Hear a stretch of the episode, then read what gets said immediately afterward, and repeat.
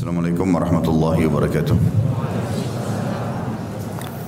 Alhamdulillah Tidak pernah berhenti lisan kita memuji sang pencipta Allah Dengan penuh keyakinan bahwasanya sang pencipta Allah Mendengar kerana dia maha mendengar Dan mengetahui kerana dia maha mengetahui Juga melihat kerana dia maha melihat Dan janjinya tidak akan mungkin salah Allah telah berfirman di dalam kitabnya dan kekal ditelawakan oleh orang-orang beriman Inna Allah la yukhliful mi'ad. Allah tidak akan pernah pungkiri janjinya. Dan janji dari kalimat Alhamdulillah ini disebutkan dalam ayat lain La in syakartum la azidannakum wa la in kafartum inna azabi la syadid. Kalau kalian bersyukur pasti aku tambah.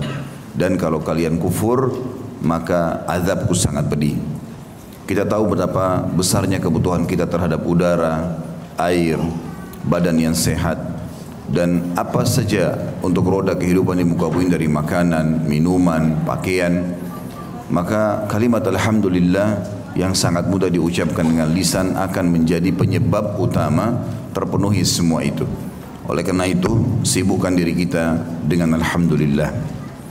Selanjutnya kita panjatkan salam hormat kita penuh dengan cinta dan rindu kepada manusia terbaik manusia yang dipilih langsung oleh sang pencipta Allah diangkat dan dinobatkan menjadi penutup Nabi dan Rasul.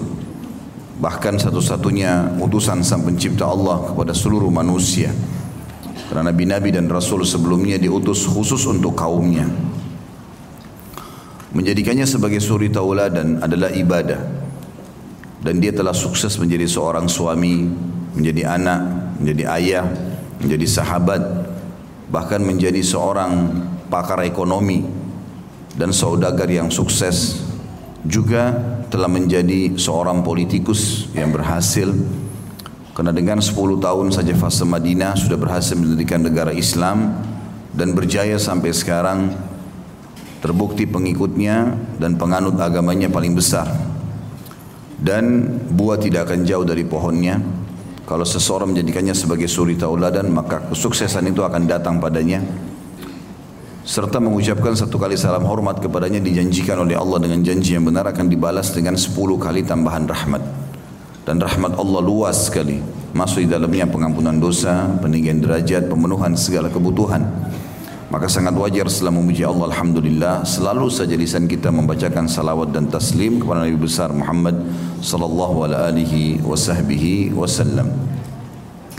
Lanjutkan bahasan kitab Adab Mufrad yang ditulis oleh Imam Bukhari rahimahullah dan kita masih membahas bab-bab dan pasal-pasal yang berhubungan dengan masalah tetangga. Saudaraku seiman, kita sebagai seorang muslim dianjurkan agar selalu menjadi orang yang bermanfaat bagi orang lain. Selalu targetnya siapa pun yang di depan mata kita adalah sumber pahala yang akhirnya mendatangkan ridho Allah. Dan dengan ridho Allah ini kita otomatis akan mendapatkan apa pun yang kita harapkan karena Allah ridho. Dengan menjalankan perintah-perintah Allah dan meninggalkan larangannya. Maka teman-teman sekalian Allah subhanahu wa ta'ala memerintahkan kita dalam sabda Nabi alaihi salatu wassalam. Beliau bersabda khairun nasi anfa'hum linnas. Manusia yang terbaik terutama muslim adalah yang paling besar manfaatnya bagi manusia yang lainnya. Itulah seorang muslim. Pada saat kita melihat sosok orang di depan kita belum mendapatkan hidayah. Kalau wanita mungkin belum berhijab. Kalau laki-laki mungkin belum sholat ya, atau belum tutup aurat yang sempurna juga misalnya. Atau apalah kira-kira perintah agama yang belum dilaksanakan ataupun ada pelanggaran agama yang masih dilakukan. Maka kita tersenyum dan menjadikan mereka sebagai target pahala kita. Bukan dengan memusuhi.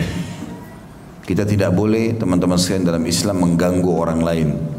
Karena kesalahan dia pun sebenarnya tujuannya untuk diluruskan kalau kebaikan dikatakan dalam istilah agama kita amar ma'ruf kita perintahkan pada kebaikan dan ingatkan orang-orang kalau kemungkaran kesalahan kita namanya atau dinamakan dengan nahi mungkar kita luruskan kesalahan mereka itu sesuai dengan apa yang diperintahkan oleh agama. Tapi semua harusnya ikhlas karena Allah Subhanahu wa taala. Orang muslim teman-teman sekalian Dia akan selalu berpikir memanfaatkan orang lain, tidak mengganggu orang lain dan menjadikan mereka sebagai target utama untuk mendapatkan pahala. Ini yang saya ingin diberatkan di mukaddimah kita. Karena di pasal atau di bab yang sedang kita bahas adalah tidak mengganggu tetangga.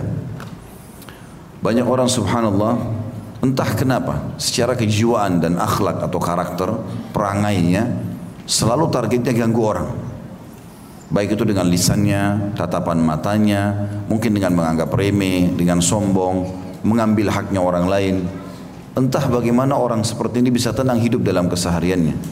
Padahal kalau teman-teman sekalian, kita menjalankan sabda Nabi SAW yang berbunyi, ketahuilah sebaik-baik yang kalian makan, yang kalian minum, yang kalian kenakan atau pakai dari pakaian, rumah, kendaraan, adalah yang dihasilkan dari hasil kerja kalian yang baik. Dan ketahuilah anak-anak kalian dari hasil kerja kalian. Maksudnya adalah bagaimana seseorang melakukan perbuatan-perbuatan yang memang itu hak dia dan tidak mengganggu orang lain. Tapi ada orang subhanallah tidak seperti itu. Mau makan pun harus ribut dengan orang lain. Mau minum pun harus ribut dulu. Mau memiliki pakaian mau bekerja harus diikuti dengan keributan. Maka ini semua bukan akhlak seorang muslim Bahkan kata Nabi SAW, seorang mukmin itu seperti lebah. Kalau dia makan, dia hanya makan yang baik saja. Lebah itu maunya yang manis dan diambil dari sari bunga. Walaupun ada lebah-lebah sekarang yang sudah mulai diberikan hal-hal selain daripada ini. Seperti misalnya ada orang-orang yang curang kadang-kadang. Saya dapat informasi dari salah satu kerabat kami yang kebetulan juga memang dagang madu ini jadi karung ditaruh gula, kemudian dibasahin dengan air sehingga lebahnya ke situ. Ini berbahaya madunya nanti. Karena manisnya itu hasilnya pun dari gula dan ini berbahaya bagi orang yang penyakit gula. Padahal sebenarnya madu dalam sabda Nabi SAW kesembuhan ada di tiga hal. Ya, diminum madu, kemudian sayapan penda, uh, uh, sayapan pisau uh, bekam dan juga kai. Sudah pernah saya jelaskan kai menggunakan besi panas. Tapi akhirnya berubah gitu kan. Berubah karena dia salah.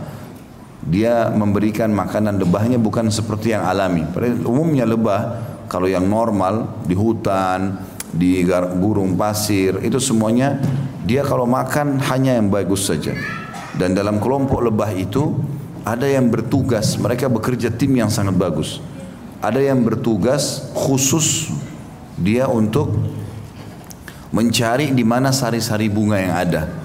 Dan kalau dia sudah dapat, dia akan pulang ke teman-temannya. Dia tidak ambil dulu, dia pulang ke teman-temannya. Lalu dia memberikan isyarat kalau di sini arahnya, di sini arahnya. Barulah semua lebah-lebah pada datang ke sana, baru mereka rame-rame memakan. Dan tidak ada lebah satu sama yang lain yang mengambil jatah yang lainnya. Maka lebah kata Nabi SAW kalau makan hanya makan yang baik saja. Manis dan dari sari bunga. Gitu kan. Kemudian kalau dia memberi, dia hanya memberi yang terbaik. Dia hanya mengeluarkan madu dan madu juga bagus bagi manusia, sehat. Bahkan Allah SWT sebutkan memang madu secara khusus dalam surah An-Nahl, surah tentang lebah ini disebutkan bahwasanya dia akan menjadi syifa linnas, obat untuk manusia. Kalau di Timur Tengah teman-teman, madu itu dijadikan sebagai obat untuk semua penyakit. Mereka betul-betul yakin dengan sabda Nabi Wasallam. Ya. Jadi bukan hanya sekedar untuk stamina, tapi sakit apa pun. Seseorang teman yang saya kenal dari Syria mengatakan pernah ada orang kena eh, dia tabrakan batok kepalanya pecah. Dan datang ke dokter, dokter mengatakan sudah tidak bisa buat apa-apa. Maka kerabatnya waktu pulang ada satu yang memang sangat yakin dengan sabda Nabi SAW ini mengambil madu kemudian meletakkan di antara belahan kepala itu. Subhanallah dalam hitungan hitungan jam batuk kepalanya bersatu lagi. Tapi kadang-kadang orang tidak memikirkan masalah itu karena kurang keyakinan. Nabi SAW kembali ke bahasan kita tadi mengatakan orang mukmin seperti lebah. Dia kalau makan yang bagus saja, dia kalau memberi juga yang bagus, dan dia kalau hinggap di sebuah tempat tidak merusaknya. Kadang-kadang sarang lebah teman-teman walaupun dia bergantung di ranting atau pohon yang kering itu tidak jatuh, ya. tidak merusak. Walaupun dia bergantung ya di atas tebing tidak jatuh. Padahal sebenarnya bisa jatuh karena beratnya banyak madunya gitu kan. Tapi subhanallah kuasa Allah, Allah kasih begitu. Jadi tidak mengganggu yang lainnya. Dan penutupan kata Nabi SAW, kalau dia diganggu, sengatannya mematikan. Itu ciri seorang muslim. Selalu memberi yang terbaik. Ya. Selalu juga kalau punya pendapatan hanya yang terbaik, tidak mengganggu orang lain. Dan kalau dia hinggap atau datang di sebuah tempat, tinggal di sebuah komplek perumahan, di sebuah di RT, di RW mana pun, di negeri mana pun, selalu dia selalu bermanfaat bagi orang lain. Tidak pernah tidak. Tapi kalau diganggu dari sisi agamanya, maka sengatannya mematikan. Mereka siap mati membela agamanya. Itu ciri orang mukmin. Oleh karena itu teman-teman tidak boleh sama sekali kita masukkan di kamus hidup kita mengganggu orang lain. Hasad dengan orang lain, iri, tidak boleh. Apa yang Allah berikan kepada kita kita syukuri dan kita nikmati itu. Karena dengan bersyukur Allah janji akan bertambah. Hadis pertama yang kita bahas dalam bab 66 ini tidak mengganggu tetangga adalah hadis nomor 119. Imam Bukhari berkata rahimahullah Musyaddad mengabarkan kepada kami ia berkata Abdul Wahid mengabarkan kepada kami ia berkata Al-A'mash mengabarkan kepada kami. Ia berkata Abu Yahya Maula Ja'da bin Hubairah mengabarkan kepada kami. Ia berkata Sami'tu Abu Hurairah radhiyallahu anhu yaqul qila lin Nabi sallallahu alaihi wasallam ya Rasulullah inna fulanatan taqumul laila wa tasumun nahar wa taf'alu wa wa tu'zi jiranaha bilisaniha. Faqala Rasulullah sallallahu alaihi wasallam la khaira fiha hiya finna hiya min ahli an-nar. Qalu wa fulana tusalli al-maktuba wa tasaddaqa bi athwar wa la tu'zi ahada. Faqala Rasulullah sallallahu alaihi wasallam hiya min ahli al-jannah. Aku mendengar Abu Hurairah radhiyallahu anhu berkata, ditanyakan kepada Nabi sallallahu alaihi wasallam, "Wahai Rasulullah, sesungguhnya seorang perempuan bangun beribadah pada waktu malam dan berpuasa di siang hari. Ia juga berbuat baik dan bersedekah. Akan tetapi ia mengganggu para tetangganya dengan lisannya. Maka Rasulullah SAW menjawab, tidak ada kebaikan padanya atau baginya. Dia termasuk penghuni neraka. Lalu mereka berkata lagi, sedangkan seorang perempuan lainnya adalah wanita yang mengerjakan sholat fardu saja. Bersedekah dengan keju kering karena dia miskin. Dan tidak mengganggu seseorang. Maka Nabi SAW bersabda, ia termasuk penghuni surga. Dan hadis ini juga sahih diriwayatkan Imam Bukhari dalam kitab Adab Mufradin dan juga Imam Ahmad meriwayatkannya. Imam Ahmad juga meriwayatkannya. Hadis ini memberikan banyak sekali pelajaran kepada kita teman-teman sekalian apa yang diperintahkan oleh Allah Subhanahu wa taala melalui Nabi Muhammad sallallahu alaihi wasallam tentang bermuamalah dengan tetangga. Di sini lihat ada sebenarnya kisahnya begini, ada satu wanita, ada dua wanita di Madinah itu dijadikan sebagai sahabat tolok ukur. Dan kenapa wanita yang dibahas? Karena memang umumnya biasa perempuan tidak bisa mengontrol lisan. Maka dijadikan contoh di sini kata sebagian ulama. Walaupun sebenarnya memang target yang sedang dibicarakan ini betul-betul realitanya ada di lapangan dan hampir seluruh sahabat mengenal siapa wanita yang dimaksudkan.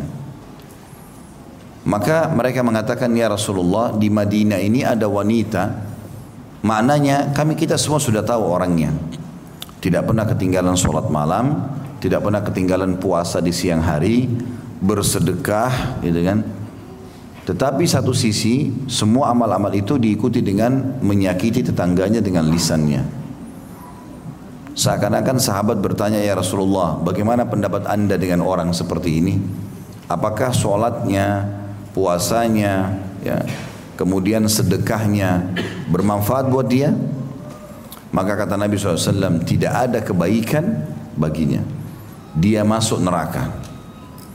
Apa makna kalimat Nabi SAW? Bukankah sholat cukup membawa orang masuk ke dalam surga? Bukankah puasa dan sedekah cukup membawa orang masuk ke dalam surga? Kenapa Nabi SAW spontanitas langsung memfonis dengan menyakiti tetangga dengan lisan sudah cukup untuk memasukkan dia ke dalam api neraka.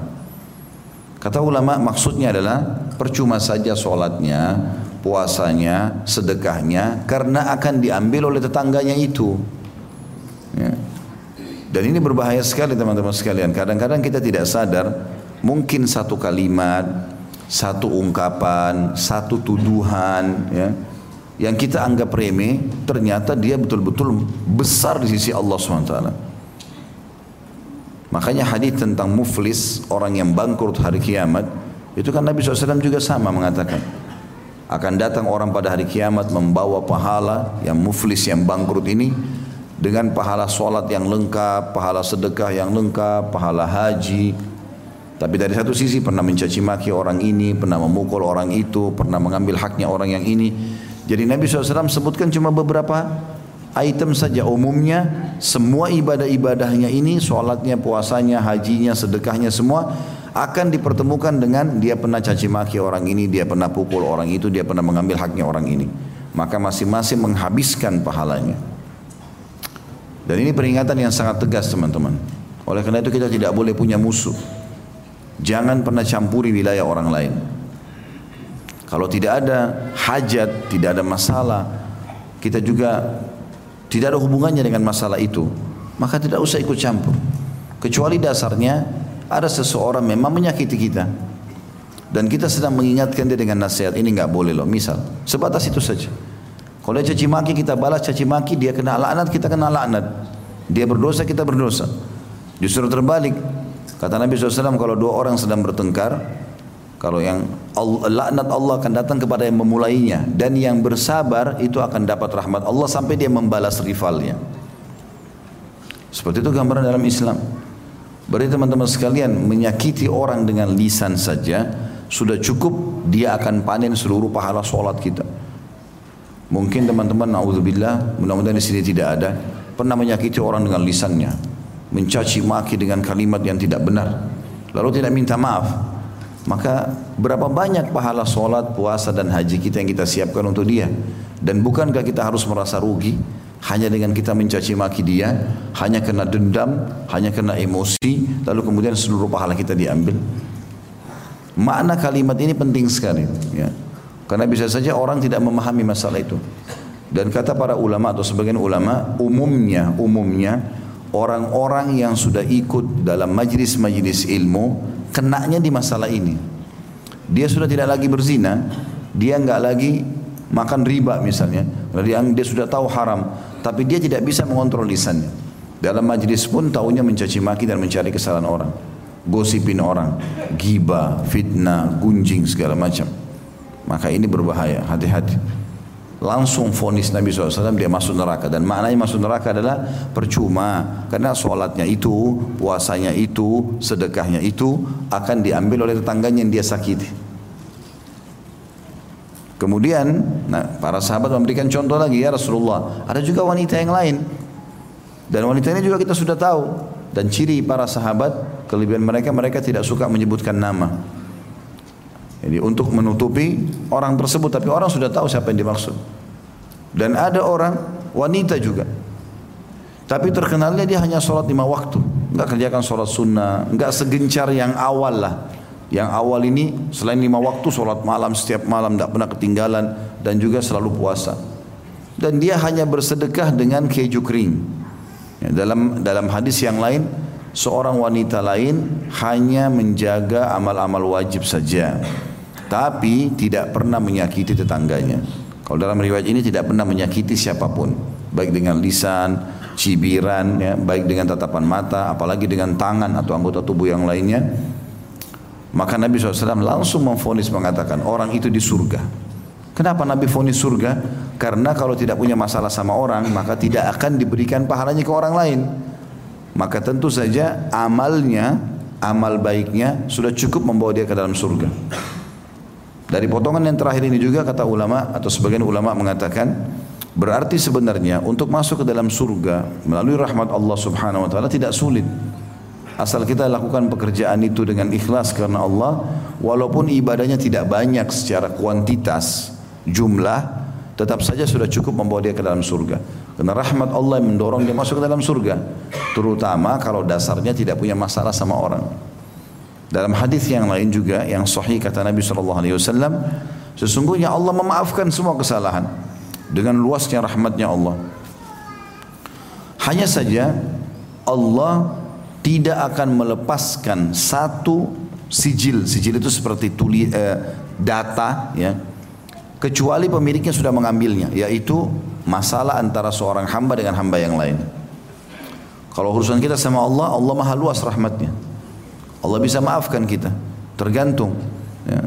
luasnya rahmatnya Allah itu sangat luar biasa. Karena kata Nabi SAW dalam hadis lain Allah memiliki atau Allah menciptakan seratus rahmat satu rahmatnya Allah diturunkan di muka bumi dan Allah menyimpan untuk hamba-hambanya 99 pada hari kiamat. Yang satu itu di antaranya adalah bagaimana hewan mengangkat kakinya agar anaknya tidak keinjak. Artinya selama ini kasih sayang kita di antara kita ya apalagi kalau orang itu punya cinta satu sama yang lain misalnya pasangan suami istri atau antara orang tua sama anak atau sahabat sama sahabatnya yang sudah loyal sekian tahun berteman maka itu cuma satu rahmat. Hari kiamat nanti ada 99 hari rahmat lagi yang Allah siapkan. Nanti bisa selamat. Dengan izin Allah SWT Allah selamatkan. Tapi tentu orang yang sibuk dengan amal soleh derajatnya lebih tinggi di surga. Fasilitasnya lebih banyak. Ya. Tetapi teman-teman sekalian, kalau seandainya seseorang berhubungan sama manusia dan punya masalah, rahmat Allah di sini ya tidak berlaku khusus masalah ini sampai orang itu yang punya hak mengambil haknya. Jadi kita akan dituntut sekecil apa pun, sekecil apa pun. Ya. Bahkan dalam sabda Nabi SAW orang bisa masuk neraka ya, kalau mengambil yang bukan haknya walaupun hanya seperti secuil ranting pohon yang dicuil sedikit. Dari ranting pohon yang kecil dicuil sedikit kulitnya. Seperti itu saja sudah cukup untuk membuat dia masuk dalam api neraka. Bahaya sekali. Nah ini memberikan pelajaran kepada kita teman-teman agar hati-hati bermuamalah dengan orang-orang. Biarkanlah orang kalau mau berbicara tentang kita, mau mengambil hak kita itu urusan dia. Kita coba luruskan, minta, tidak, sudah kita yakin di akhirat kita akan ambil.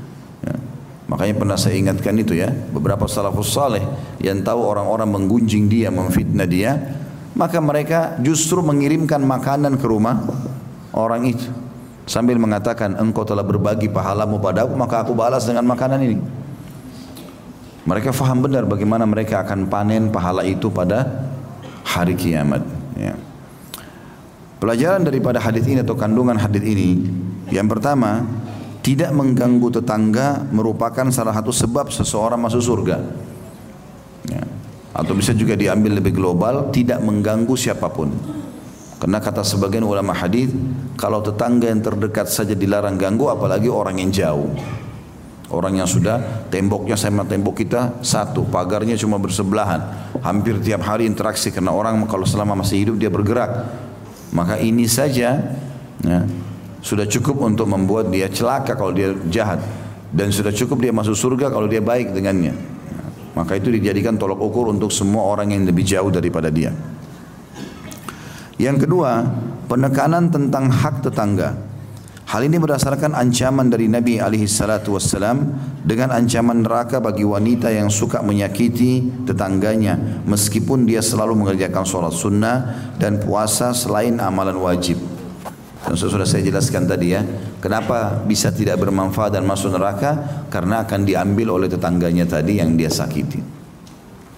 Makanya teman-teman jadikan dalam doa kita ya, rutinkan itu. Ya Allah, kalau seandainya ada hakmu dan hak makhlukmu yang belum aku tunaikan maka mudahkanlah aku untuk menunaikannya sebelum aku meninggal dunia supaya Allah ingatkan kita. Mungkin kita pernah sakitin orang kita pernah ambil barangnya. Allah alam. Mungkin dulu waktu SMP SMA kita nggak ngerti. Tak ingat lagi. Kita tidak pernah pernah kerjain orang pernah makan makanannya apalah segala macam. Masuk rumahnya tanpa izin segala macam hal. Kita minta kepada Allah SWT supaya bersih. Hari kiamat tidak ada lagi masalah. Makanya teman-teman yang bukan hak kita jangan sentuh. Tidak usah sentuh. Dan jangan iri dengan orang. Udah, kita berharap Allah SWT berikan kita apa yang kita butuhkan. Bahkan Nabi SAW ajarkan kita kaidah sederhana. Wahai anak Adam, makanlah makanan atau kejarlah untuk mencari makanan yang cukup membuat tulang belakangmu berdiri. Artinya jangan kau tamak dengan apa pun yang orang miliki. Karena biasanya ketamakan kalau terbuka ini membuat orang jadi melampaui batas akhirnya masuk ke wilayah-wilayah orang lain. Jelas nggak ini? Hah? Senyap benar. Jelas ya? Ya, karena ini untuk diamalkan ilmunya. Yang ketiga kandungan hadisnya adalah kabar gembira dari Nabi SAW berupa surga bagi wanita yang tidak menyakiti siapa pun meskipun dia hanya mengerjakan sebatas amal wajib tidak ditambah amal sunnah itu semua karena kebaikan yang ia lakukan kepada tetangganya Tentu kalau saya katakan tadi kalau tetangga berarti juga masuk di dalamnya orang-orang yang lain selain tetangga itu.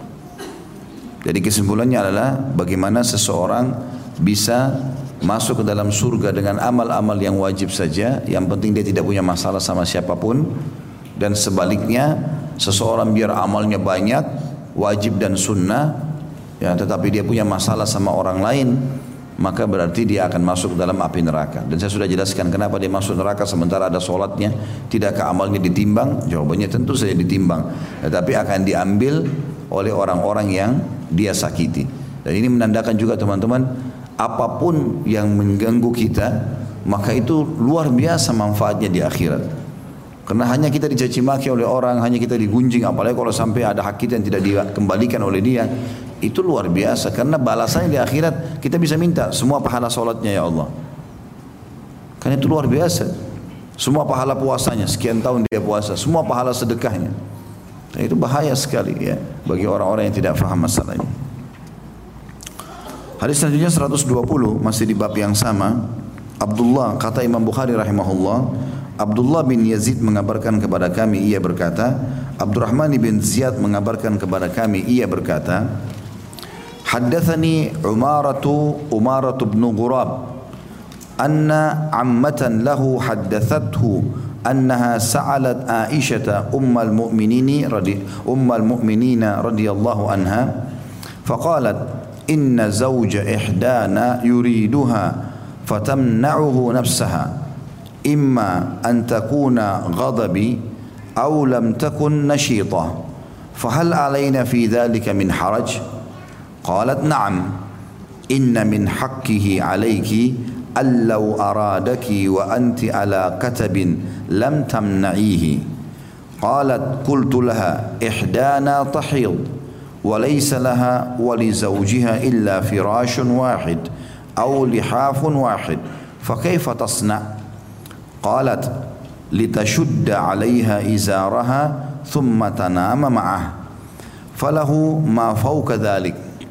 مع أني سوف أخبرك ما صنع النبي صلى الله عليه وسلم. إنه كان ليلتي منه. فطحنت شيئا من شعير فجعلت له كرصا. فدخل فرد الباب ودخل إلى المسجد. وكان إذا أراد أن ينام أغلق الباب وأوكأ الكربة وأكفأ وأكفأ القدح أو قدح وأكفأ القدح. وأدفع المصباح فانتظرته أن ينصرف فأطعمه القرص فلم ينصرف حتى غلبني النوم أو غلب غلب النوم.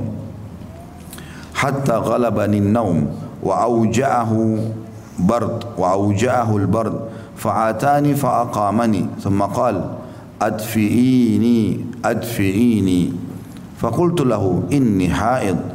فقال وإن, وإن, وإن اكشفي عن فخذيك فكشفت له عن فخذي فوضع خده ورأسه على فخذي حتى دفئ.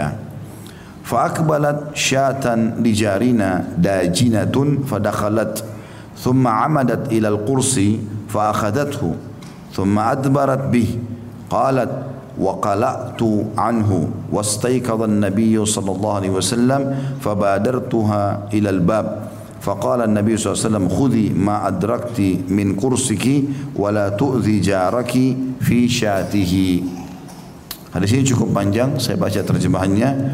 Umar bin Gurab mengabarkan kepadaku bahwa bibinya bercerita kepadanya bahwa ia bertanya kepada Aisyah, Ummul Mukminin radhiyallahu anha. Jadi ini pertanyaan wanita ke wanita. Ya, jadi ini lebih tepat tentunya ya. Nanti akan kita jelaskan manfaatnya.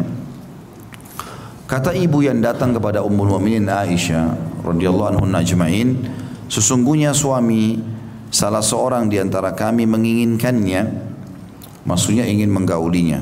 Akan tetapi dia tidak mau, mungkin karena sedang marah atau mungkin sedang tidak bergairah. Apakah itu dosa bagi kami?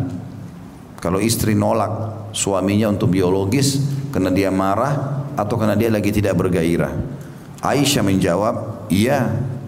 Sesungguhnya salah seorang atau salah satu dari haknya suami adalah jika dia menginginkanmu sedang engkau berada di atas katab ya atau tempat duduk di atas unta sudah naik unta sudah mau jalan. Kalau kita sekarang di atas mobil udah mau jalan. Sedang engkau berada di atas katab atau tempat duduk di atas unta maka jangan engkau menolaknya. Lalu orang itu berkata lagi ibu itu berkata aku katakan jika ia sedang haid dan tidak ada baginya dan suaminya kecuali satu tempat tidur atau satu lihaf. Dan lihaf artinya kain yang dipakai untuk alas tidur.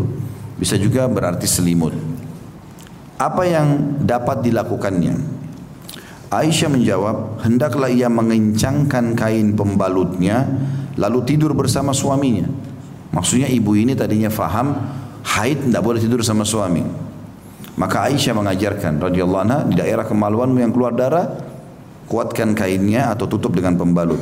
Maka bagi suaminya adalah apa yang ada di atas pembalut itu atau di atas itu. Dan dia boleh menikmati istrinya walaupun tidak atau walaupun sedang haid yang penting tidak meletakkan di dalam kemaluannya. Kuberitahu apa yang dilakukan oleh Nabi Shallallahu Alaihi Wasallam bahwa beliau pernah bermalam bersamaku atau tepatnya malam hariku atau bagianku atau giliranku. Lalu aku menggiling gandum dan aku buatkan roti. Beliau lalu masuk dan menutup pintu. Lalu beliau masuk ke dalam masjid. Apabila akan tidur, beliau selalu tutup pintu. Beliau tutup girba dan cawan. Maksudnya adalah ah, tempat minum dan tempat makanan ditutup-tutupi oleh Nabi SAW. Serta beliau matikan lampu dipadamkan zaman dulu orang pakai sumbu ya kalau kita sekarang lampu maka aku tunggu beliau hingga beliau kembali agar aku dapat memberinya makan roti pipi ya atau roti tadi yang sudah dipanaskan tetapi beliau tidak juga kembali hingga aku tertidur jadi Nabi SAW ke masjid kemudian masuk ke dalam rumah memadam tutup semuanya atau sampai Aisyah tertidur beliau lalu terganggu oleh dingin lalu beliau lalu menemuiku dan berkata, hangatkanlah aku, hangatkanlah aku. Maka aku katakan, Aisyah berkata pada Nabi SAW, aku sedang haid. Maka beliau pun bersabda SAW, renggangkanlah kedua pahamu.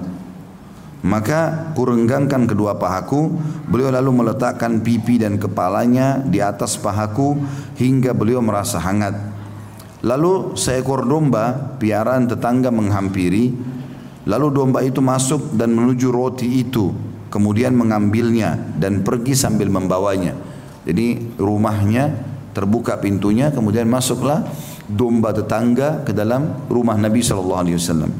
Lalu diambillah oleh domba tersebut tadi gandum roti gandum yang dibuat oleh Aisyah. Aku lalu menggerakkan badanku dari Nabi Shallallahu Alaihi Wasallam dan kemudian beliau bangun. Aku mengejar domba itu ke pintu. Maka Nabi SAW bersabda, ambillah apa yang dapat engkau rebut dari dari rotimu itu dan jangan engkau ganggu tetanggamu karena dombanya. Hadis ini sebagaimana sudah kita tahu diriwayatkan oleh Imam Bukhari dalam kitab ini. Baik hadis ini cukup panjang dan banyak hukum yang bisa diambil walaupun sebenarnya saksi bahasannya di akhir hadis tentang masalah tidak boleh mengganggu tetangga walaupun dombanya sudah datang mengambil sesuatu di dalam rumah kita. Potongan pertama hadis di sini adalah tentang datangnya seorang wanita di Madinah kepada Ummul Mukminin Aisyah radhiyallahu anha. Sebagian ulama menitik beratkan mengatakan perlunya seorang muslimah kalau ingin bertanya maka dia mendahulukan dulu bertanya kepada sesamanya wanita. Karena orang yang ditanya dari wanita yang faham agama ya, lebih mengetahui keadaan wanita, masalah haid, masalah nifas, masalah menyusui, ya, masalah melayani suami, ini semua mendidik anak, maka dia diprioritaskan untuk bertanya kepada kaum wanita. Kecuali kalau tidak ditemukan wanita yang faham agama maka boleh dia bertanya kepada laki-laki. Sebagaimana juga banyak di antara wanita-wanita di Madinah yang langsung bertanya kepada Nabi sallallahu alaihi wasallam. Ya. atau dia bertanya pada suaminya kalau memang dasarnya suaminya sudah faham agama Kemudian pelajaran yang lain adalah bolehnya seseorang dalam Islam bertanya apa pun itu selama dia bimbang, walaupun itu dianggap sesuatu yang tanda kutip di sini rahasia bagi orang-orang. Karena ibu ini pengen tahu, gitu kan?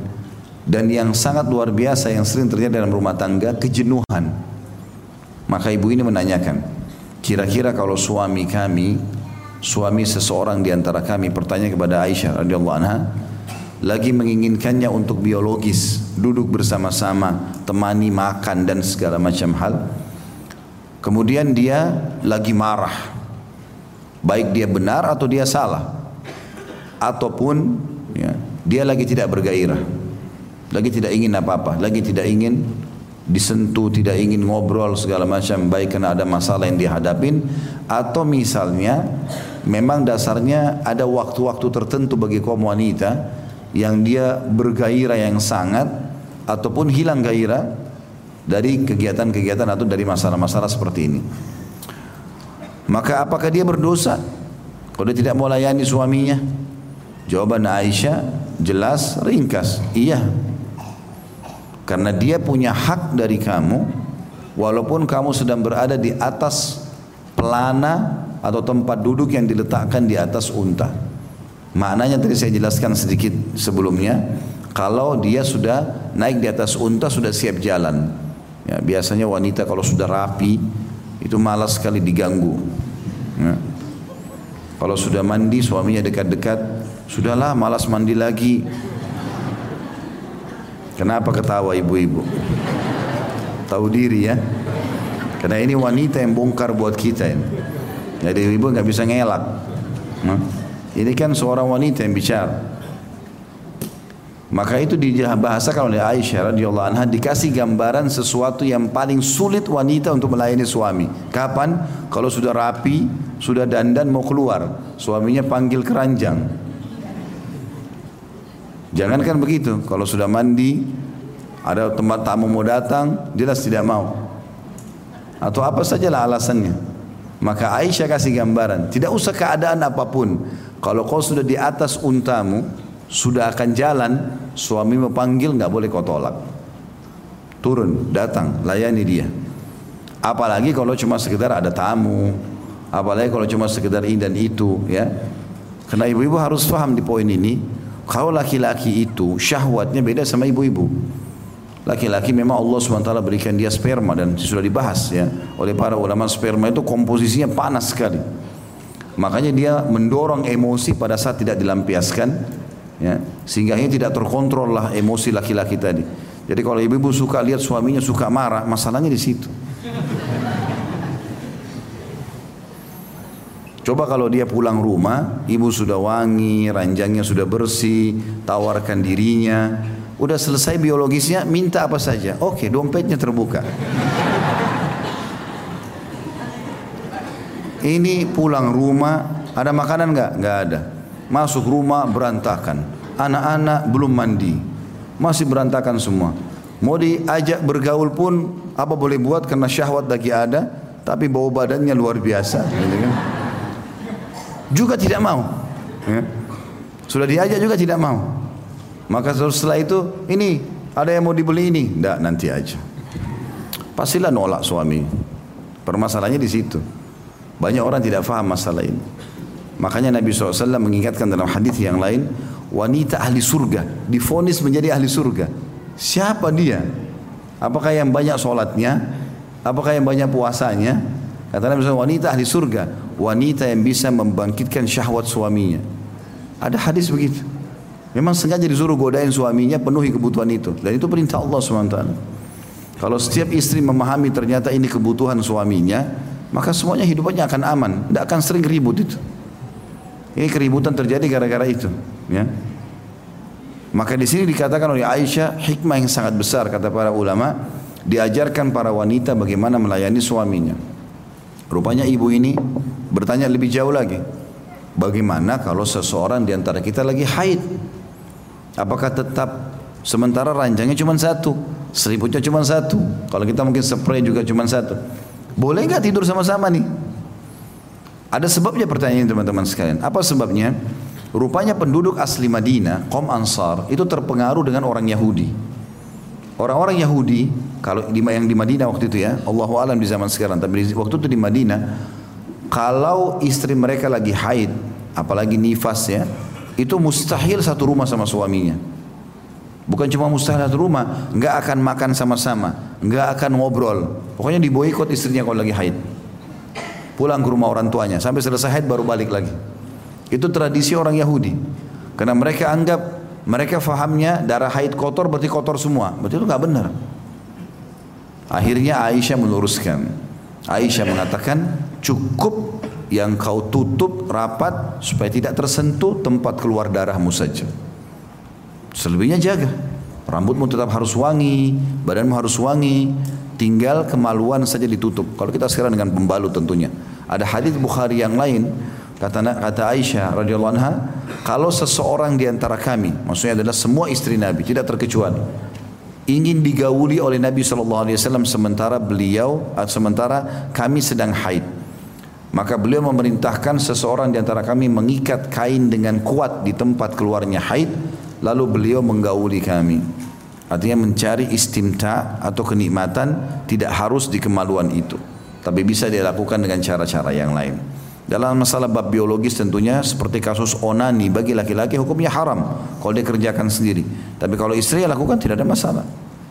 Ya, yang diharamkan hanya meletakkan kemaluan di kemaluan pada saat haid dan nifas atau meletakkan kemaluan di dubur. Sebagaimana sabda Nabi Shallallahu Alaihi Wasallam, siapa yang menggauli istrinya dari duburnya atau dari kemaluan pada saat haid atau mendatangi dukun, maka dia telah kufur kepada apa yang diturunkan kepada Muhammad SAW. Jadi tingkatannya tinggi sekali sampai disamakan dengan orang pergi dukun. Makanya nggak boleh dianggap remeh. Teman-teman yang sudah berumah tangga atau juga yang akan berumah tangga, jangan pernah belajar biologis dari film porno. Film tidak baik. Kenapa? Karena itu pola yang salah. Pertama, memang orang-orang kafir yang, diprak, yang mempraktikkan itu, mereka berzina dan bagi mereka biasa. Kalau kita tonton berarti kita sedang tonton perzinahan uang yang kita keluarkan baik kita bayar internetnya atau kita beli DVD-nya apa segala macam uang itu jadi uang haram karena kita masuk ke dalam haram melihat aurat orang dosa juga yang lain mendukung perzinahan ya. karena akan tersebar luas dengan dibeli cuplikannya ditonton cuplikannya maka masuklah income kepada orang-orang tersebut dia buat cuplikan lain maka akan jadi banyak panen dosa. Yang lebih parah lagi adalah merusak fitrah seksual kita. Jadi kata para ulama Islam, sebenarnya kebutuhan biologis ini dan sikap dalam melakukan biologis itu fitrah. Orang tahu, caranya itu orang tahu. Seperti dia tahu bagaimana memasukkan makanan di mulutnya, minum juga caranya seperti apa, bernafas seperti apa, fungsi yang lain anggota tubuh telinga mendengar, tangan menjama, kaki melangkah, begitu juga dengan kemaluan. Fitrahnya dia tahu. Ya, fitrahnya dia tahu. Kalaupun dia mengatuk, ingin butuh panduan maka dia membaca panduan dari Nabi Shallallahu Alaihi Wasallam. Tidak mungkin salah. Nah, kadang-kadang tidak disadari film-film seperti ini ataupun disadari itu memang mengajarkan pelanggaran-pelanggaran agama Islam seperti menggauli wanita dari dubur, haid, kotor, jorok ya. Segala macam hal bahkan jauhnya rusaknya fitrah mereka karena sudah jenuh dengan manusia mereka praktikkan dengan hewan wa naudzubillah ya. Kalau ada orang mempraktekkan biologis dengan hewan, hukumnya dalam Islam dibunuh dua-duanya. Dia sama hewannya dibunuh. Kalau orang zina manusia sama manusia masih dianggap fitrah. Kalau belum nikah dicambuk seratus kali diasingkan setahun. Kalau sudah nikah baru dirajam. Tapi kalau dia menggauli hewan, wa naudzubillah, maka dia sama hewannya walaupun dia masih bujang atau gadis, itu langsung dibunuh dua-duanya. Karena ini luar biasa perbuatan ini tidak boleh. Tapi itu diajarkan dan kita bisa terpengaruh. Makanya tidak boleh. Dan Islam sudah mengajarkan pola-pola yang benar. Di antaranya adalah Pernah penduduk Mekah atau orang tradisi orang Mekah itu sering kali melakukan hubungan biologis dengan membalikkan istrinya. Ya. Memang begitu disebutkan dalam riwayat ya. Sementara mereka pada saat tiba di Madinah, waktu hijrah ke Madinah, ada di antara sahabat yang istrinya nggak mau ikut, nggak mau masuk Islam. Dan akhirnya dia pergi ke Madinah menikah sama wanita Ansar. Wanita Madinah terbiasa dalam pola biologis mereka Perempuannya di bawah, laki-lakinya di atas. Enggak ada cara lain. Mereka enggak tahu cara lain. Sementara orang Mekah ini memiliki beragam cara. Maka sempat ada satu laki-laki muhajir dari Mekah, sahabat yang mulia nikah sama seorang sahabat mulia juga di Madinah. Waktu mau digaulin, orang Mekah ini mau gauli dengan pola Mekah, orang Madinah enggak mau. Maka dia mengatakan, kami tidak pernah tahu biologis kecuali dengan cara seperti ini. Turun temurun diajarkan oleh orang tua kami begini maka tidak jadi biologis mereka. Karena ini cekcok akhirnya sampailah kepada Nabi Shallallahu Alaihi Wasallam. Lalu Allah turunkan ayat Al-Quran berbicara masalah itu. A'udzu billahi minasyaitonir rajim. Nisa'ukum harthun lakum fa'tu harthakum anna syi'tum wa qaddimu li anfusikum. Kalau saya tidak salah dalam surah An-Nisa masalah ini. Allah berfirman, wanita-wanita atau para istri kalian adalah ladang kalian maka gaulilah mereka sesuai yang kamu inginkan dan dahulukanlah diri dirimu atau diri kalian. Karena laki-laki memang lebih suka yang bervariasi, maka Allah SWT izinkan itu. Artinya Allah menegur si wanita tadi dari Madinah bahwasanya suami mempunyai hak masalah itu. Dan keluar hukum dari ayat ini bahwasanya setiap laki-laki boleh menggauli istrinya kapan saja, bahkan dalam keadaan berhalangan pun yang penting bukan di tempat yang diharamkan saja. Yang lain semuanya dibolehkan. Ya disilakan dengan istimta yang halal. Dan ini juga pelajaran bahwasanya bolehnya orang yang sedang haid nifas tetap bersama dengan suaminya, ya, tetap bersama dengan suaminya. Selanjutnya Aisyah mengatakan, aku ingin menceritakan kepadamu satu kejadian. Aisyah berkata pada wanita ini. Dan ini menandakan boleh kita menceritakan sebuah contoh kalau memang itu positif. Ini pelajaran lain dari hadis kita. Aisyah mengatakan, aku akan ceritakan kepadamu satu hal. Nabi SAW pernah di malam hariku, karena Nabi SAW poligami ada pembagian malam mabitnya atau nginapnya, maka dia bilang di malam hariku, Nabi SAW masuk dalam rumah. Tetapi rumah Aisyah memiliki dua pintu, ada pintu dari jalan raya, ada pintu langsung tembus ke masjid.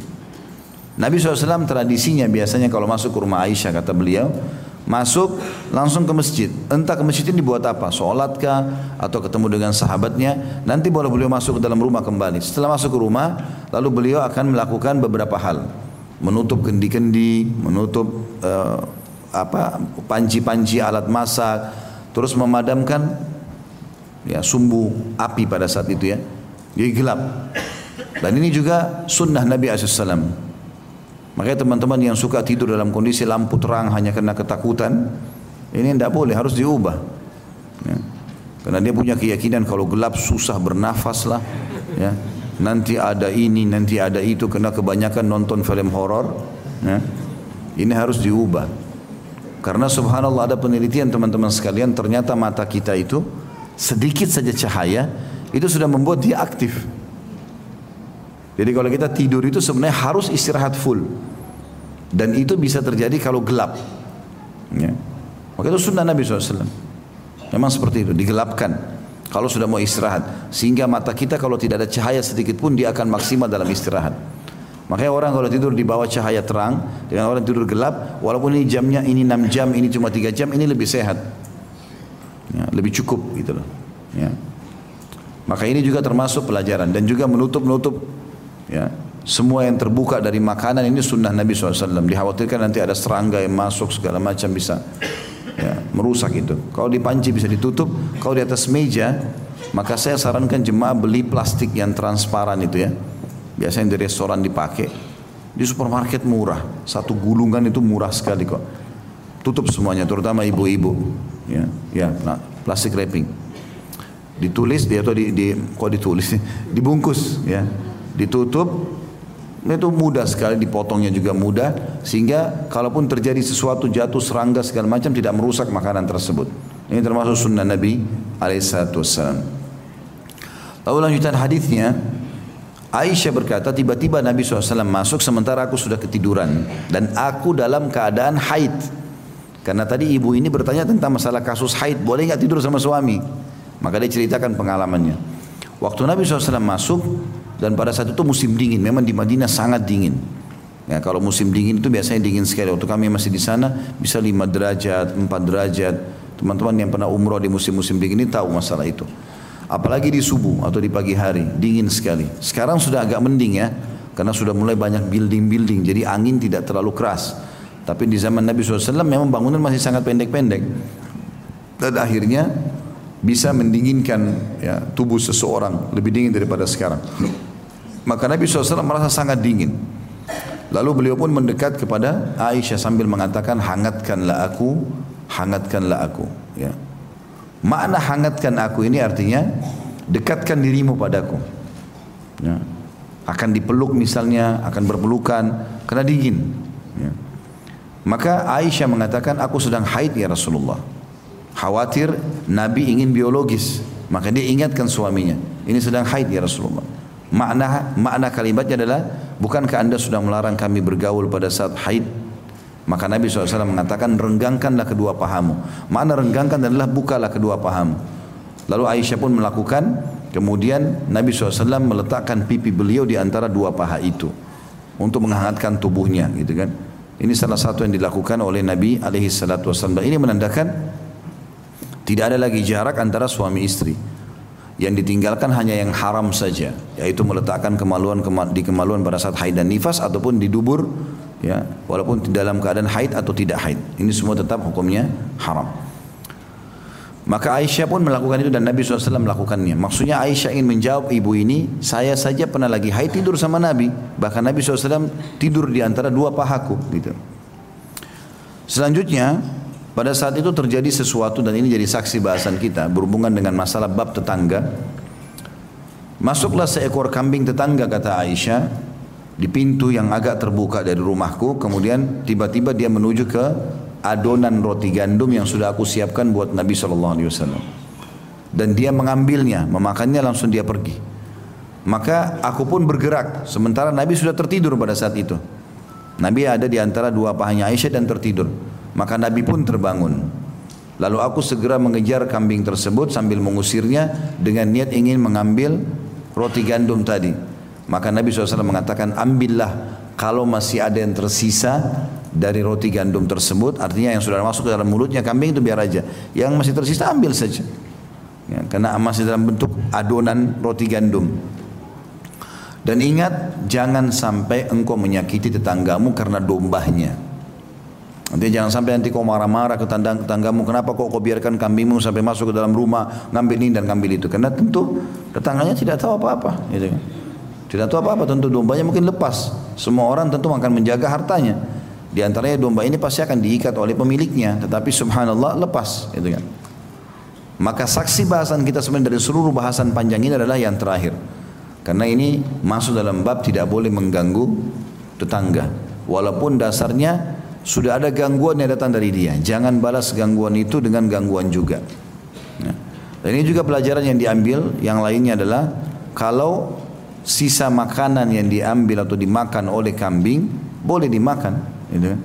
Karena Nabi SAW mengatakan kepada Aisyah ambillah yang bisa kamu ambil dari sisa gandum itu berarti tidak ada masalah memakan bekas hewan ini ya apalagi kambing ini punya keutamaan tersendiri dalam agama Islam karena Nabi SAW mengatakan dalam hadis yang sahih sebaik-baik harta seorang muslim adalah domba, gitu kan. Kandungan hadis yang ditulis oleh penulis ini yang pertama anjuran kepada kaum wanita untuk mentaati suaminya dan membuat suaminya senang meskipun ia sedang haid maka bagaimana ketika ia tidak sedang dalam keadaan haid? Haid saja disuruh layani, apalagi tidak haid.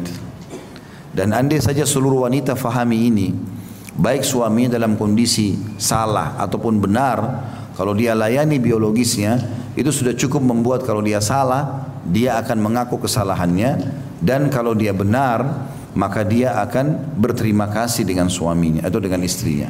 Ya. Subhanallah permasalahan hidup memang umumnya rumah tangga itu masalah biologis. Kapan biologis ini sehat, maka sehat semuanya rumah tangganya. Kapan bisa ditata, rapi, setiap ketemu ada biologis, ada juga hal-hal yang bisa membantu semua ke pintu itu, baik itu dari dandanan, ucapan, rayuan, semua ini ada, maka ini akan menenteramkan rumah tangga. Karena biologis adalah 50% rumah tangga, sisanya muamalah yang lain. Kapan ini baik, baik semua, kapan ini rusak, rusak semuanya. Ya, sudah jelas itu pintunya. Bahkan saya temukan banyak sekali laki-laki menceraikan istrinya gara-gara kasus ini. Banyak wanita mengajukan perceraian gara-gara kasus ini. Karena memang tidak terpenuhi dari sisi biologis. Entah kenapa ya mereka tidak mau melayani pasangannya. Kalau ada sesuatu yang kurang dalam masalah biologis kata ulama harus ada transparansi di antara pasangan. Bilang terus terang, maaf saya terganggu dengan bau mulut, bau ini, bau itu. Dan kita tidak boleh tersinggung. Harus terbuka untuk itu. Saya bilang sama istri saya, ada sesuatu yang kamu tidak suka bahasakan. Jadi jelas. Oh enggak ada ya sudah, Alhamdulillah. Tapi kalau ada bahasakan, saya pun membahasakan. Dan itu bukan aib.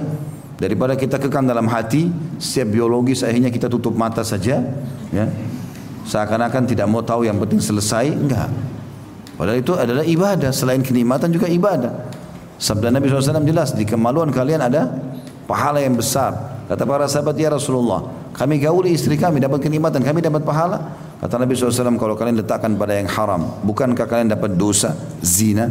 Kata para sahabat, iya ya Rasulullah. Kata Nabi SAW, begitu juga pada yang halal. Gitu kan? Sebagian ulama mengatakan, dianjurkan setiap hari melakukan biologis kalau orang yang sudah berumah tangga itu. Kalau dia pun mau tunda, maka maksimal sepekan sekali. Maksimal. Itu pun dihubungkan dengan hari Jumat keutamaan menggabungkan antara mandi junub sama mandi Jumat.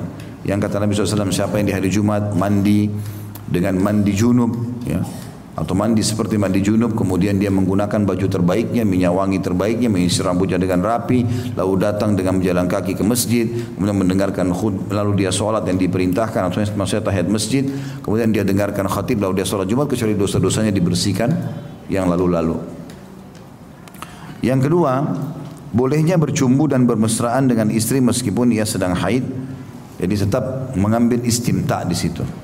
Ya, termasuk di kalangan wanita sendiri. Ya, wanita sendiri boleh beristimta dengan suaminya dan ini disebutkan dalam hadis ini Nabi SAW menggunakan untuk mendinginkan menghangatkan tubuh dan merapat dengan istrinya di bagian pahanya. Ada riwayat lain juga menjelaskan masalah itu. Kemudian yang ketiga, anjuran agar mencintai, menyayangi, membantu dan tidak mengganggu tetangga sebagaimana dalam penutupan hadis tadi. Hadis terakhir dalam bab kita ini, bab 66, masalah tidak mengganggu tetangga. Imam Bukhari berkata rahimahullah, Sulaiman bin Daud Abu Rabi' mengabarkan kepada kami, dia berkata, Ismail bin Ja'far mengabarkan kepada kami, ia berkata, Al-Ala bin Abdurrahman mengabarkan kepada kami dari ayahnya an Abi Hurairah anna Rasulullah sallallahu alaihi wasallam qaal la yadkhulul jannata man la ya'man jaruhu biwa'iqah dari Abu Hurairah radhiyallahu anhu bahwa Rasulullah SAW bersabda tidak masuk surga orang yang tetangganya tidak aman dari gangguannya. Hadis ini juga diriwayatkan oleh Imam Muslim. Kandungan hadis ini adalah tidak mengganggu tetangga termasuk kesempurnaan iman dan menjadi penyebab masuk ke dalam surga. Jadi hampir mirip dengan hadis yang sebelumnya di awal bahwasanya memang mengganggu tetangga dan mengganggu orang lain menjadi penyebab masuk neraka karena mereka akan panen pahala-pahala kita kalau tidak sempat kita minta maaf selama di dunia. Kalau sempat minta maaf mengembalikan hak dia, perusakan citra kita perbaiki nama baiknya, kalau kita ambil materi kita kembalikan, maka insya Allah kita akan aman di akhirat. Tapi kalau tidak sempat kita lakukan, maka akan ada tuntutan hari kiamat. Dan sebaliknya, tidak mengganggu orang akan membawa ke dalam surga. Kenapa bisa masuk ke dalam surga? Karena memang dasarnya Masuk surga dengan rahmat Allah. Dan rahmat Allah luas sudah saya bilang tadi. Walaupun amalnya sedikit Allah bisa masukkan dalam surga. Tapi yang jadi dan, dan karena dia tidak punya masalah sama orang maka dia akan aman. Selama bukan masalah sama manusia. Karena masalah sama manusia ini repot. Allah SWT tidak akan bantu dia sampai pemilik haknya menuntut atau mengambil haknya. Bahkan kata Nabi SAW tidak akan masuk surga seorang penghuni surga selama seorang penghuni neraka masih punya hak dari dia. Dan tidak akan masuk penghuni surga, penghuni neraka ke dalam neraka selama ada penghuni surga yang masih punya hak dari dia. Ini pernah saya jelaskan contoh itu ya. Kalau masih ingat, kalau misalnya seorang muslim eh, pemilik perusahaan, dia punya pegawai orang kafir. Lalu meninggallah keduanya, yang muslim meninggal, yang kafir meninggal. Tapi tadi selama hidup, waktu masih bekerja sama, ada gaji pegawai yang kafir tidak dikasih sama si muslim. Pada saat dibangkitkan hari kiamat, si kafir pasti masuk neraka karena meninggal dalam keadaan kufur. Lalu si muslim, ya, dia masuk surga setelah ditimbang amal dosanya segala macam, dia masuk surga. Sebelum dia masuk surga, Ya, Allah SWT mengatakan tidak akan demi kebesaranku dan kemuliaanku tidak akan masuk penghuni surga ke dalam surga selama masih ada penghuni neraka yang punya hak dari dia. Didatangkan dulu. Walaupun dia sudah pasti masuk surga, didatangkan dulu. Lalu Allah Subhanahu wa taala menilai kadar kezaliman dia terhadap si kafir ini. Nilainya berapa Allah lebih tahu. Kemudian dikurangi derajat dia di surga. Tadinya dia di derajat 100 jadi derajat 70 sekarang.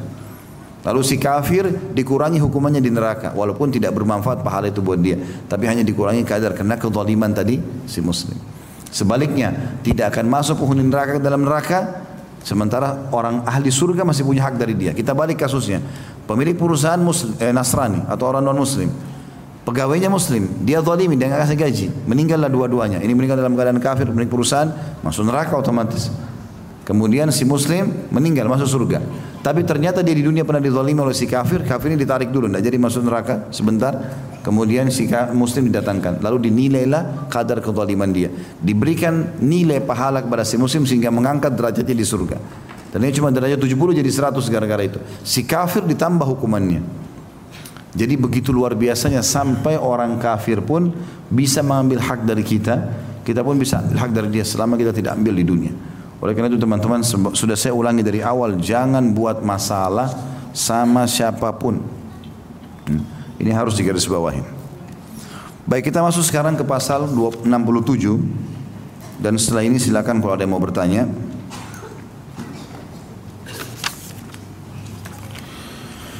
Judulnya janganlah meremehkan tetangga meskipun pemberiannya hanya berupa kikil kambing. Imam Bukhari berkata rahimahullah di hadis nomor 122 Ismail bin Abi Uwais mengabarkan kepada kami ia berkata Malik mengabarkan kepadaku dari Zaid bin Aslam an Amr bin Muadhin al-Ashhali an jaddihi annaha an jaddatihi annaha qalat radhiyallahu anha. Qala li Rasulullah sallallahu alaihi wasallam ya nisa al-mu'minat La tahkiranna imra'atun minkunna li jaratiha walau qura'u syatin. Dari Amr bin Muad eh, al-Ashhali dari neneknya radhiyallahu anha bahwa ia berkata, Rasulullah SAW pernah bersabda kepadaku, wahai para wanita beriman, Janganlah seorang wanita dari kalian meremehkan pemberian kepada tetangganya walaupun hanya berupa kikil hewan yang dibakar. Dan hadis ini sebagaimana sudah kita tahu hadis sahih diriwayatkan Imam Bukhari di sini. Dan juga ini disebutkan oleh Imam Malik dalam kitab Muwatta dan disahihkan juga oleh beliau. Hadis ini memberikan pelajaran kepada kita teman-teman sekalian tentang pentingnya berbagi dengan tetangga. Apa pun itu sifatnya. Walaupun dibahasakan dengan kikil ya, karena itu sangat mudah diambil kaki-kaki kambing lalu direbus dengan kuah yang dikasih sedikit bumbu udah jadi masakan. Ini dianggap membuat masakan yang paling murah dan mudah ya membuat kikilnya. Maka itu saja kalaupun kau punya ya seakan-akan Nabi SAW mengatakan kasihlah. Dan di sini dipanggil para wanita mukminat. Karena yang masak umumnya para wanita. Wahai para wanita mukminat, janganlah seseorang dan kalian menganggap remeh pemberian untuk tetangganya walaupun hanya kikil kambing. Bisa juga bermakna wahai para wanita mukminat, jangan anggap remeh pemberian tetanggamu walaupun hanya kikil kambing.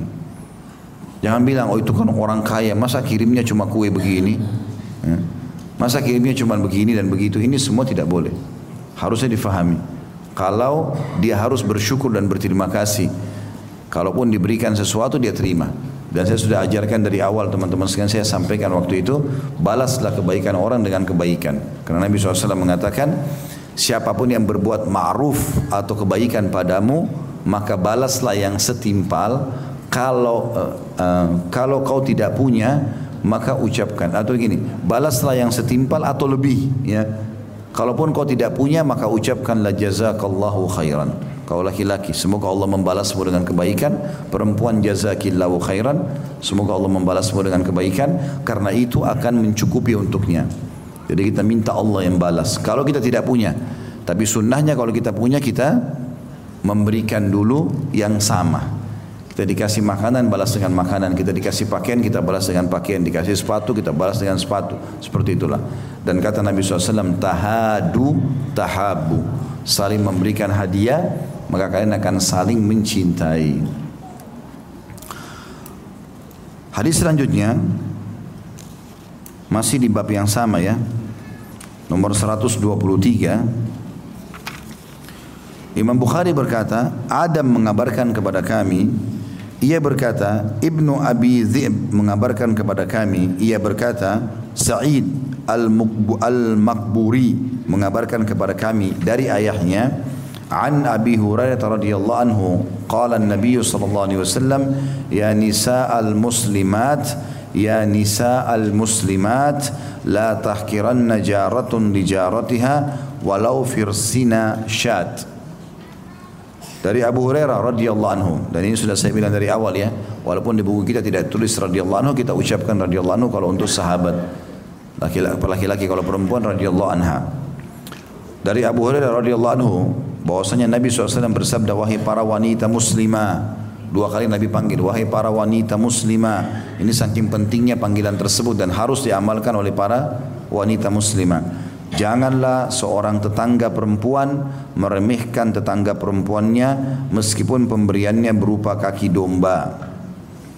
Kandungan hadis kedua hadis ini disebutkan anjuran yang pertama anjuran agar memberi hadiah dan sedekah meskipun hanya sedikit dan kecil ya, dirutinkan dan bisa tiap hari ya. kemudian yang kedua larangan bersifat bakhil dan kikir.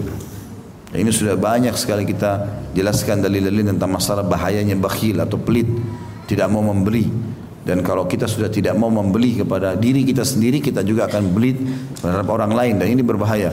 Nabi SAW menganggap itu penyakit dalam kejiwaan. Bahkan pernah Nabi SAW mengatakan itu kepada seorang sahabat Siapa pemimpin kalian, siapa kepala suku kalian, sahabat itu mengatakan fulan ya Rasulullah. Kata Nabi SAW, bagaimana dia? Kata mereka berwibawa, tampan, tetapi bakhil. Pelit. Kata Nabi SAW, tidak ada kebaikan padanya. Dan penyakit apa yang lebih berat daripada bakhil? Sampai kata para ulama, semua penyakit kronis kalah dengan bakhil. Ya. Berarti ini pelit, perhitungan, ini adalah penyakit jiwa. Jadi kalau ada orang yang punya penyakit ini sudah jelas dia perlu rumah sakit gila. Karena bakhil, ada orang subhanallah bakhil sampai pada dirinya sendiri. Bajunya sudah sobek-sobek nggak mau ganti, ada duitnya. Makan tetap sedikit sekali padahal dia masih butuh. Tidak boleh juga orang tamak berlebihan, tapi nggak boleh juga orang menyusahkan diri sendiri. Ada orang luar biasa pernah begitu jalan sama paman saya rahimahumullah sudah meninggal semuanya semoga Allah maafkan. Tapi orang kaya raya, paman saya bilang ini orang kaya raya luar biasa. Banyak sekali hartanya di Jakarta. Tapi datang luar biasa perhitungannya gitu. Gak mau keluarkan bahkan untuk dirinya sendiri. Ya, kadang-kadang saking bakhilnya nggak mau pakai transportasi, jalan kaki. Ada kemampuan, kenapa? Kecuali memang dasarnya kita mau olahraga, Kan kalau ada transportasi pakai saja fasilitas Allah kasih. Bisa pasang AC nggak mau. Bisa ini nggak mau. Itu semua nggak mau. Kenapa bakhil ini? Bahkan Allah subhanahu memberikan kita sesuai dengan keinginan kita. Kalau kita teman-teman sekalian bersyukur kepada Allah apa yang Allah berikan kemudian kita menikmati itu, berbagi dengan orang, royal buat diri sendiri dan dengan orang lain, maka Allah luaskan rezekinya. Saya selalu temukan orang-orang kita yang sudah berangkat umroh dengan kami misalnya. Subhanallah yang betul-betul royal di sana, hampir semua keluarganya dibelikan segala macam hal. Itu luar biasa Allah bukan rezekinya. Memang luar biasa karena kelihatan mereka sangat royal. Ada orang mampu kaya raya, tapi masuk di toko dua real. Beli yang kecil-kecil gitu. Padahal dia mampu beli yang 30 real, 40 real. Kenapa bakhil ini? Pelit, kenapa? Gitu kan? Lebih baik beli yang terbaik, coba yang terbaik. Dan Allah SWT berikan sesuai dengan orderan kita sebenarnya. Ya. Kemudian yang ketiga disunnahkan saling menjalin hubungan di antara kaum muslimin khususnya antara tetangga. Dan ini yang disebutkan saksi bahasan kita adalah poin yang ketiga ini. Allahu alam. Baik begitu saya teman-teman sekalian, semoga apa yang kita pelajari ini bermanfaat buat kita dan bisa diambil pelajaran darinya dan juga semoga seluruh amal soleh yang pernah kita kerjakan, yang sedang kita kerjakan, yang akan kita kerjakan sampai menjelang ajal dan nanti diterima dengan pahala yang sempurna dan semoga seluruh dosa tidak terkecuali yang pernah kita kerjakan sengaja tidak sengaja kecil ataupun besar samar ataupun nyata semuanya diganti oleh Allah menjadi pahala tidak pernah lupa kita doakan Indonesia menjadi negara yang aman, tentram, damai, seluruh umat Islam di bawah naungan ukhuwah Islamiyah. Dan dalam hal ibadah mereka kembali kepada Al-Quran dan Sunnah. Dan semoga seluruh utang negara ini dilunasi oleh Allah dengan semudah-mudahnya. Seluruh rezekinya dibukakan dari seluruh penjuruhnya. Dan Allah karuniakan kita pemimpin muslim yang adil kembali kepada Al-Quran dan Sunnah. Dan bisa menyebarkan kemakmuran kepada seluruh penduduk Indonesia tidak terkecuali. Dan semoga ya Indonesia menjadi contoh bagi negara-negara yang lain tidak pernah kita lupakan saudara kita di Palestina, di Syria, di Yaman, di Irak, di Myanmar, di Ahsa, di mana pun mereka berada sedang tertindas semoga Allah ikhlaskan niat mereka terima para syuhada mereka mulakan Islam di tangan mereka dan tangan kita semua dan semoga Allah ikut sertakan kita bersama mereka di pahala baik dengan doa dengan harta juga dengan jiwa kita. Dan semoga Allah dengan kemahamurahannya menyatukan kita semua di surga firdausnya tanpa hisab menyatukan dalam majlis ilmu yang mulia ini. Kalau benar dari Allah kalau salah dari saya mohon dimaafkan. Subhanakallahumma bihamdika asyhadu an la ilaha illa anta astaghfiruka wa atubu wassalamualaikum warahmatullahi wabarakatuh